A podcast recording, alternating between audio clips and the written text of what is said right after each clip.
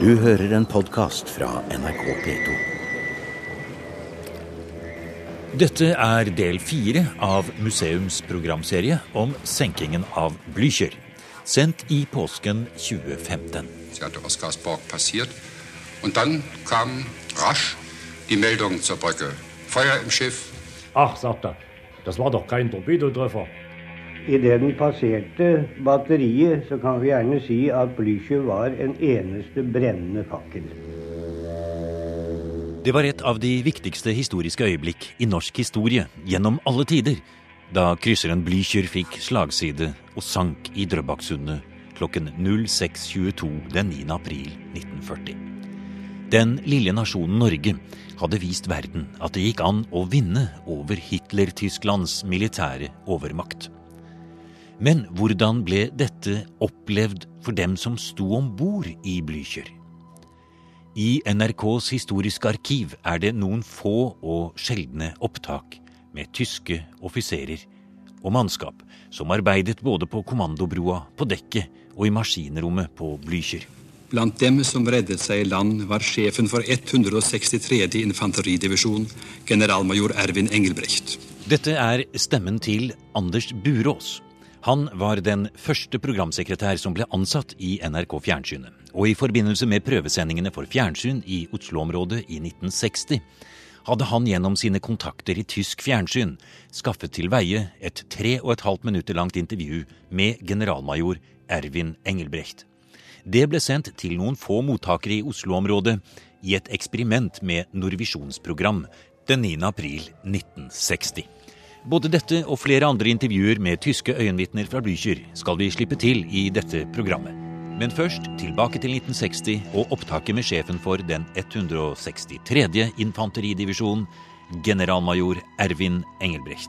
Als wir quer ab von Oscarsborg, das heißt seitwärts von Oscarsborg waren, machte dann die Blücher wie einen kleinen Schlusssprung Stelle. Es kam sofort die Meldung Torpedotreffer und wenige Sekunden darauf der zweite Schlusssprung, der zweite Torpedotreffer. Her hører vi hvordan generalmajoren presist og kortfattet forteller om skadene på skipet, hvordan styrbordmaskin faller ut, at Blücher ikke lenger har styrefart, at det brenner overalt i skipet, og mange luker ikke lar seg skalke. Det er begynnende slagside. De fleste av Engebrechts soldater er fortsatt under dekk, mens mannskapet fra marinen gjør alt de kan for å få situasjonen under kontroll. Det avgjørende øyeblikket nærmer seg.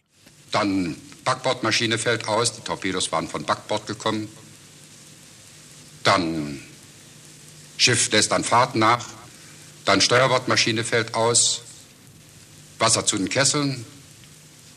Schotten sind nicht zu schließen. Und schließlich, die Blücher läuft aus dem Ruder. Schiff läuft aus dem Ruder, heißt die Meldung. For Engelbrecht var det nemlig helt avgjørende å få slått fast når og om skipet var oppgitt. Det var hans menn som skulle innta Oslo og sette konge og storting i arrest. Men så lenge Blücher var underveis, var han underlagt skipssjefen, admiral Kummitz. I det øyeblikk skipet blir erklært som tapt, ville Engelbrecht selv overta kommandoen. Generalmajoren ser slagsiden øke, ankeret vil ikke feste, Blücher er i ferd med å tippe rundt og synke. I de dramatiske øyeblikkene på kommandobroa går han mot admiral Kummitz. Und als für den Heeresmann es so schien, als ob das doch ein ernstes Ende nehmen würde, stellte ich die Frage, ob das Schiff im sinkenden Zustand sei oder nicht. Ob das Schiff noch transport- und fahrfähig sei oder nicht. Ob der Transport beendet sei oder nicht. Jeg spør, er skipet i ferd med å synke? Er skipet fortsatt i stand til å fullføre transporten? Ja eller nei? das Schiff verloren geben. Habe ich erklärt, dann übernehme ich jetzt das Kommando für die Unternehmen an Land. Gab meine Leute frei, von denen ich mit nachträglicher Achtung sagen muss, keinerlei Panik, keinerlei Aufregung und Unruhe. Admiralen svarte at det ikke lenger gikk an å manøvrere skipet. Da skifter kommandoen på brua. Admiralen trer til side, og sjefen for landstyrkene overtar. Ich hatte noch Weisung gegeben, dass die guten Schwimmer und tüchtige Leute nach Möglichkeit an Land schwimmen sollten und nicht auf die einsamen Schereninseln, denen sie ja abgeschnitten waren, weil mein Ziel ja nach wie vor Oslo lautete.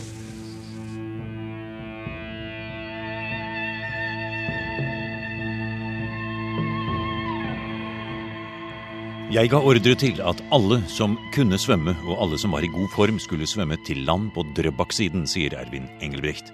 Ingen skulle stanse på skjær eller svømme bare til nærmeste holme. For mitt mål var fortsatt å komme til Oslo, slutter generalmajor Ervin Engelbrecht i dette opptaket fra 1960.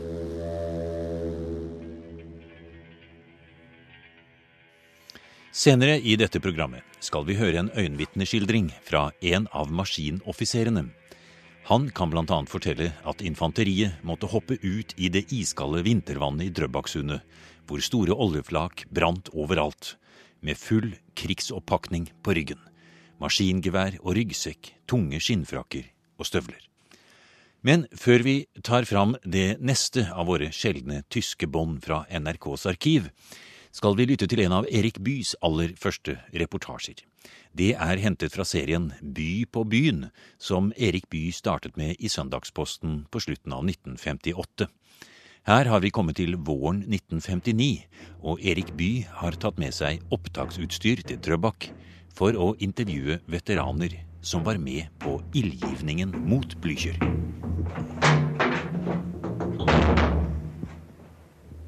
Ja, nå har vi klatret opp en serie med jerntrapper her inne i fjellet. Og er kommet opp på selveste kommandoplassen for torpedobatteriet på Oscarsborg festning.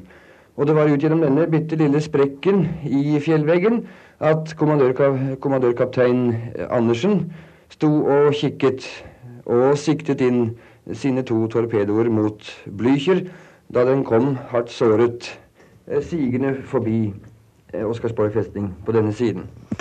Og eh, den nåværende sjefen for eh, torpedobatteriet her, han heter løytnant Ulvmoen og var den gang kvartermester, ikke sant?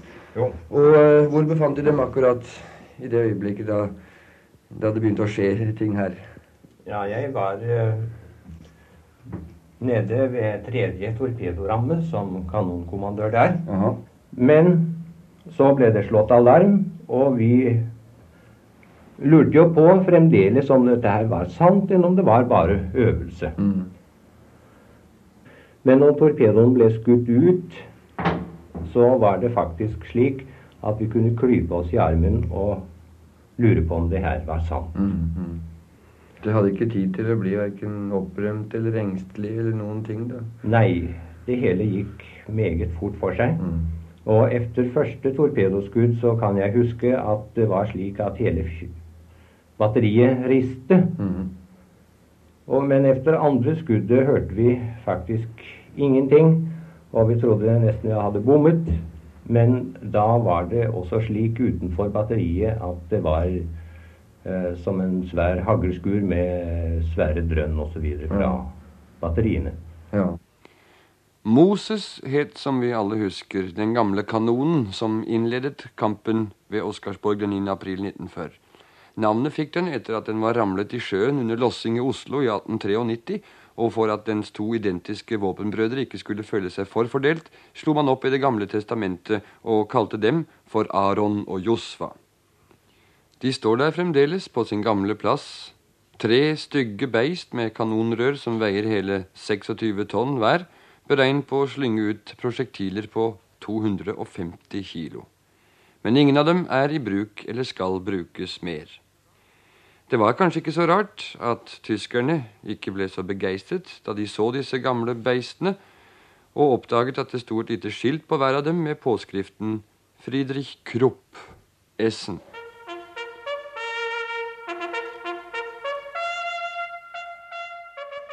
Det var Erik By fra Søndagsposten 9. april 1959. Helt i begynnelsen av dette programmet hørte vi stemmen til sjefen for infanterisoldatene som var om bord i Blücher. Nå skal vi oppleve Blüchers siste timer fra et annet øyenvitne om bord i den 208 meter lange krysseren. Den faste besetningen var på mer enn 1000 mann, i tillegg til de ca. 1600 infanterisoldatene som var Blüchers transportoppdrag. I 1967 fikk NRK et lydbånd i gave fra Radio Bremen. Det kom fra den kjente filmmannen og radioreporteren Wolfgang Jorke. I følgebrevet heter det at Jorke har reist rundt i Nord-Tyskland, i området ved Kiel og Hamburg, for å intervjue noen av de sjøfolkene fra Blücher som overlevde både krigen og senkingen. Båndene ble lagt til side av NRK og har ikke vært offentliggjort før museum i NRK P2 brukte noen av opptakene i et program 9.4.2006. Av intervjuene på det kvartoms spolebåndet som kom til NRKs arkiv i 1967, er det særlig maskinist Herman Lintner som gjør inntrykk. Lintner hadde vakt i maskinen akkurat da skipet gikk inn mot Oscarsborg ved firetiden om morgenen 9. april 1940. Arbeidsplassen til Herman Lintner var dypt nede i maskinrommet, direkte under det store kommandotårnet omtrent midtskips. Som vakthavende maskinist hadde han ansvaret for at tre topp moderne dampturbiner med til sammen 132 000 hestekrefter, fordelt på tre propellaksler, fungerte som det skulle, og gi Blücher en toppfart på 32 knop. Blücher, som var oppkalt etter den prøyssiske generalen som slo Napoleon ved Waterloo i 1815, var ett av den tyske marines mest moderne skip, og fungerte som flaggskip for kontreadmiral Oskar Kummitz, som ledet den flotiljen av små og store skip som deltok i angrepet på Norge. Blücher hadde nettopp vært i Svinemunde, nåværende Svinojuc i Polen, for å bunkre, og inntok sin plass i spissen for formasjonen som gikk opp gjennom Storebelt fra Kiel og over Kattegat med kurs for Oslofjorden. Vi hadde fått beskjed over høyttaleranlegget at vi skulle til Norge, sier Herman Lintner. Og beskjeden gikk ut på at vi ikke ville møte motstand. Lintner kom på vakt ved firetiden om natten til 9. april, like før skipet regnet med å se Oscarsborg fra broen. Farten var satt til tolv knop. Og da vi hørte kanontorden, trodde vi først det var Blücher som skjøt, sier Lintner. Ingen om bord ante hva som var i vente. Und obwohl wir wussten, wir hatten, äh, sollten den Angriff nicht eröffnen, sagte ich, Donnerwetter, jetzt fangen wir selbst an zu schießen. Sie dachten zuerst hätte die Blücher das Feuer eröffnet. Ja. Aber im selben Augenblick ertönte über uns eine gewaltige Detonation im äh, Zuluftschacht. klapperte es heftig und eine dichte Staubwolke Først smalt det kraftig et sted over oss, og det veltet store mengder støv ned gjennom luftsjaktene. En av maskinmennene trodde det var gass og slo full alarm. Men så smalt det igjen, og denne gangen under oss, så sterkt at vi ble slengt opp i luften, samtidig som det fosset inn vann.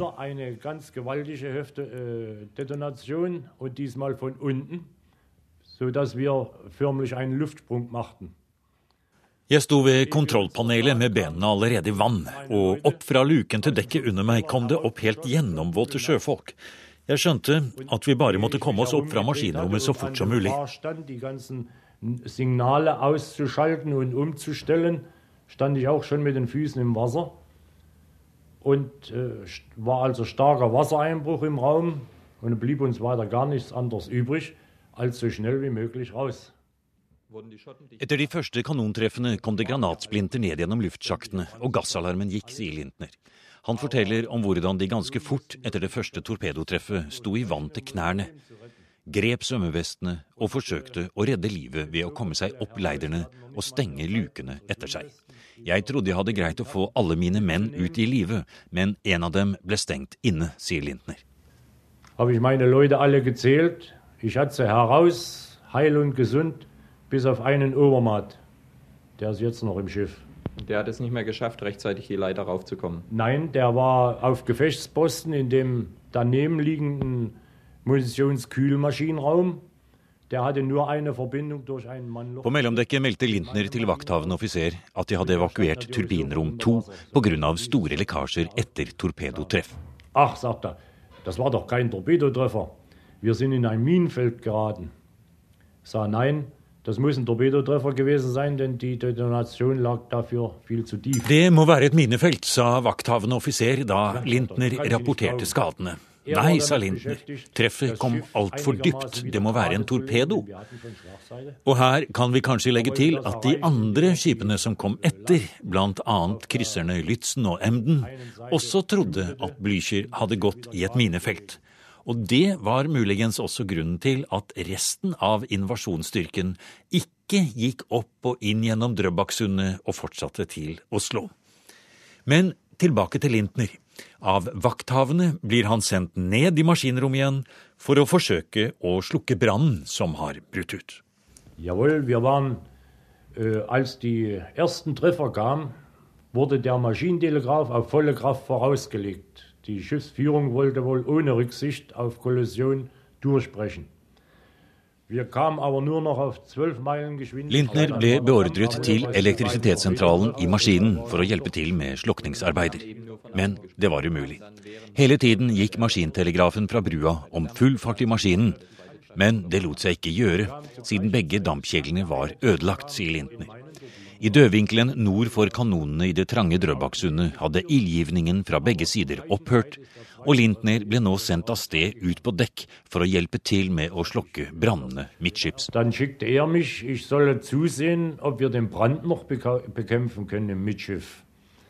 Da musste ich äh, nun durchs Batteriedeck, denn im Zwischendeck kam ich nicht voran.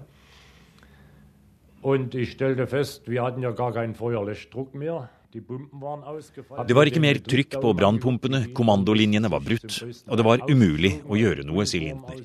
Vakthavende offiser ga ordre om å forlate skipet, men det var ingen panikk.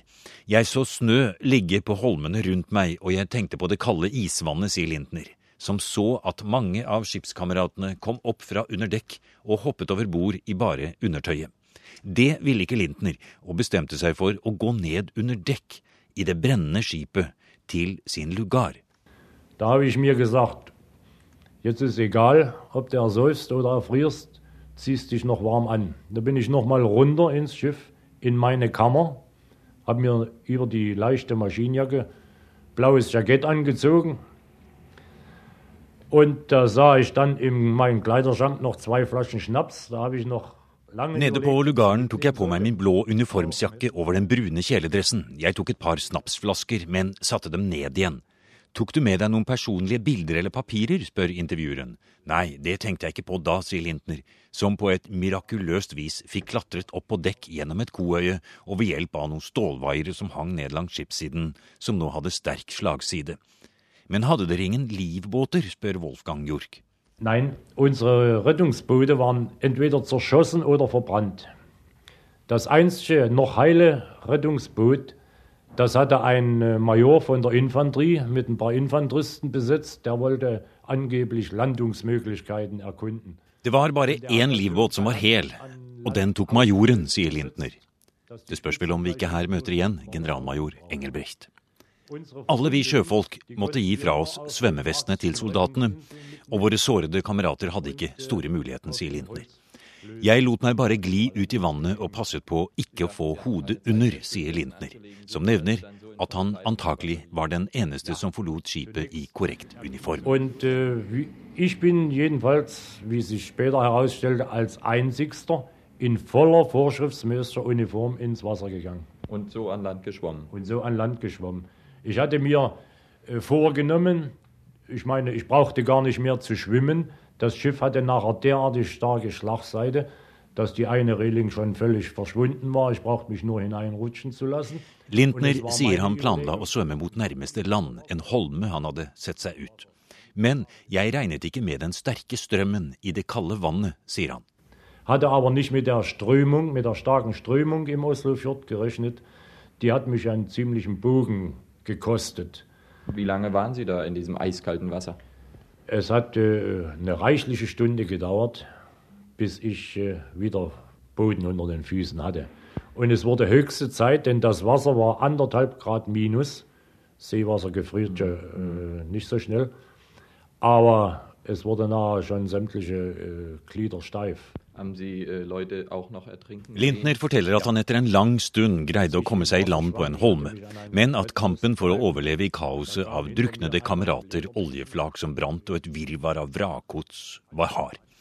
En skipskamerat i lærbukser forsøkte å klamre seg til et trebrett som Lintner fløt på, men skled av og vippet brettet rundt, slik at Lintner fikk ansikt og øyne fullt av olje. Jeg kunne ikke se og prøvde å få tørket vekk oljen. Da jeg fikk opp øynene igjen, så jeg ikke kameraten mer, sier Lintner. Im Schiff selbst wird, äh, werden gar nicht so viele mit untergegangen sein. Den äh, größten Teil der Opfer hat es im Eiswasser gekostet. Denn äh, so wie es mir ging, 24 Stunden auf den Beinen und äh, sechs Stunden bereits in dem heißen Maschinenraum. Wir hatten immerhin 40 Grad. Äh, Jeg hadde vært 24 timer på bena, de siste seks av dem i et maskinrom som holdt 40 grader, sier Lintner.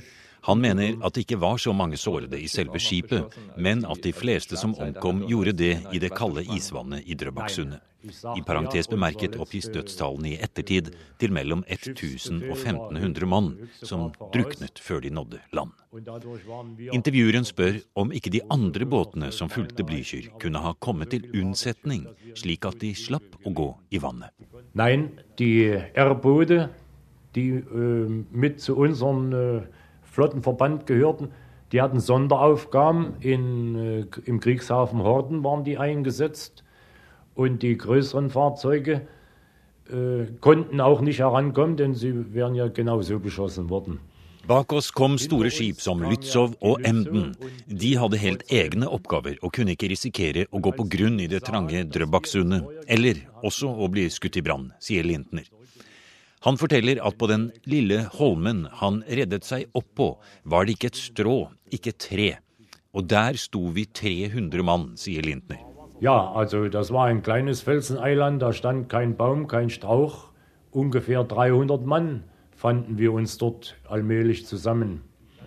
Und dort haben wir dann gesessen und gestanden in der Kälte, war ja heftiger Wind, Vi sto i ring rundt et lite bål vi laget av svømmevester og drivgods. Vi gikk og sto og prøvde å holde varmen i de gjennomvåte klærne. Slik holdt vi det gående helt til klokka seks om kvelden, sier Lintner. Så kom en liten fiskebåt med en norsk løytnant og en ropert. Und dann haben die Norweger Sie abgeholt dort. Und es war abends gegen 6 Uhr etwa. Uhrzeit hatten wir ja nicht mehr. Meine hatte ja gleich einen Schlag gekriegt, als ich ins Wasser sprang. Da kam ein äh, norwegischer Fischkutter. Vorne drauf stand ein Leutnant äh, mit der Flüstertüte, Megafon. Und an äh, jeder Seite ein Soldat mit einem Karabiner.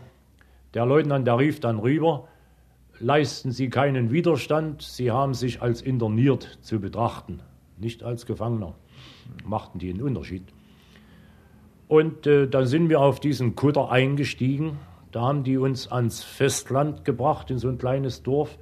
Dere er internert, altså ikke tatt til fange, sier Lintner at den norske løytnanten ropte til de tyske sjøfolkene på Holmen. De ble tatt om bord i båten og fraktet til en liten by i nærheten, sier Lintner. Der måtte vi gå et par kilometer i snøen til huset vi skulle være i. Det var ille nok for de av kameratene som gikk barbent og var forbrent, sier Lintner. Men folk i den lille byen hjalp oss. In dem Dorf wurden wir äh, sehr großartig aufgenommen, gleich mit heißer Milch und Butterbroten empfangen, in einen großen Saal untergebracht. Da war es ordentlich warm. Und äh, ein norwegischer Arzt und ein Assistenzarzt von uns, die kümmerten sich um die Verwundeten und Verletzten. Vi fikk varm melk og smørbrød og ble ført inn i en god og varm forsamlingssal, sier Lintner.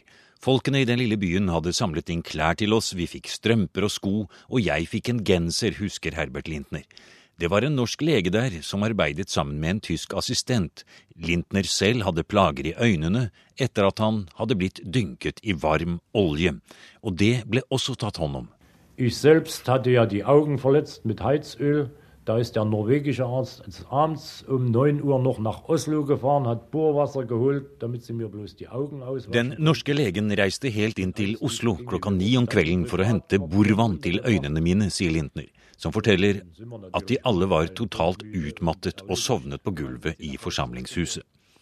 Allerede fire dager senere var Lintner og mange av de andre matrosene plassert på et transportskip, og til sammen fire uker etter torpederingen 9.4 var maskinist Herbert Lintner tilbake i Tyskland. Når det gjelder generalmajor Ervin Engelbrecht, vet vi jo at også han etter hvert fikk samlet en del av sine tropper, og med forsterkninger fra de andre troppetransportskipene fikk gjennomført den planlagte besettelsen av Oslo. Men det var altså noen dager for sent, siden konge og storting da allerede var på flukt mot Elverum og videre til Nord-Norge og etter hvert over til England. I 1941 organiserte for øvrig Engelbrecht en ny divisjon, denne gang med norske frivillige og tyske soldater, som ble transportert gjennom Sverige med tog og videre til Finland og Russland for å delta på østfronten. Du har nå hørt en podkast av programmet Museum fra NRK P2. Og send gjerne en e-post til museum.krøllalfa.nrk.no. nrk.no.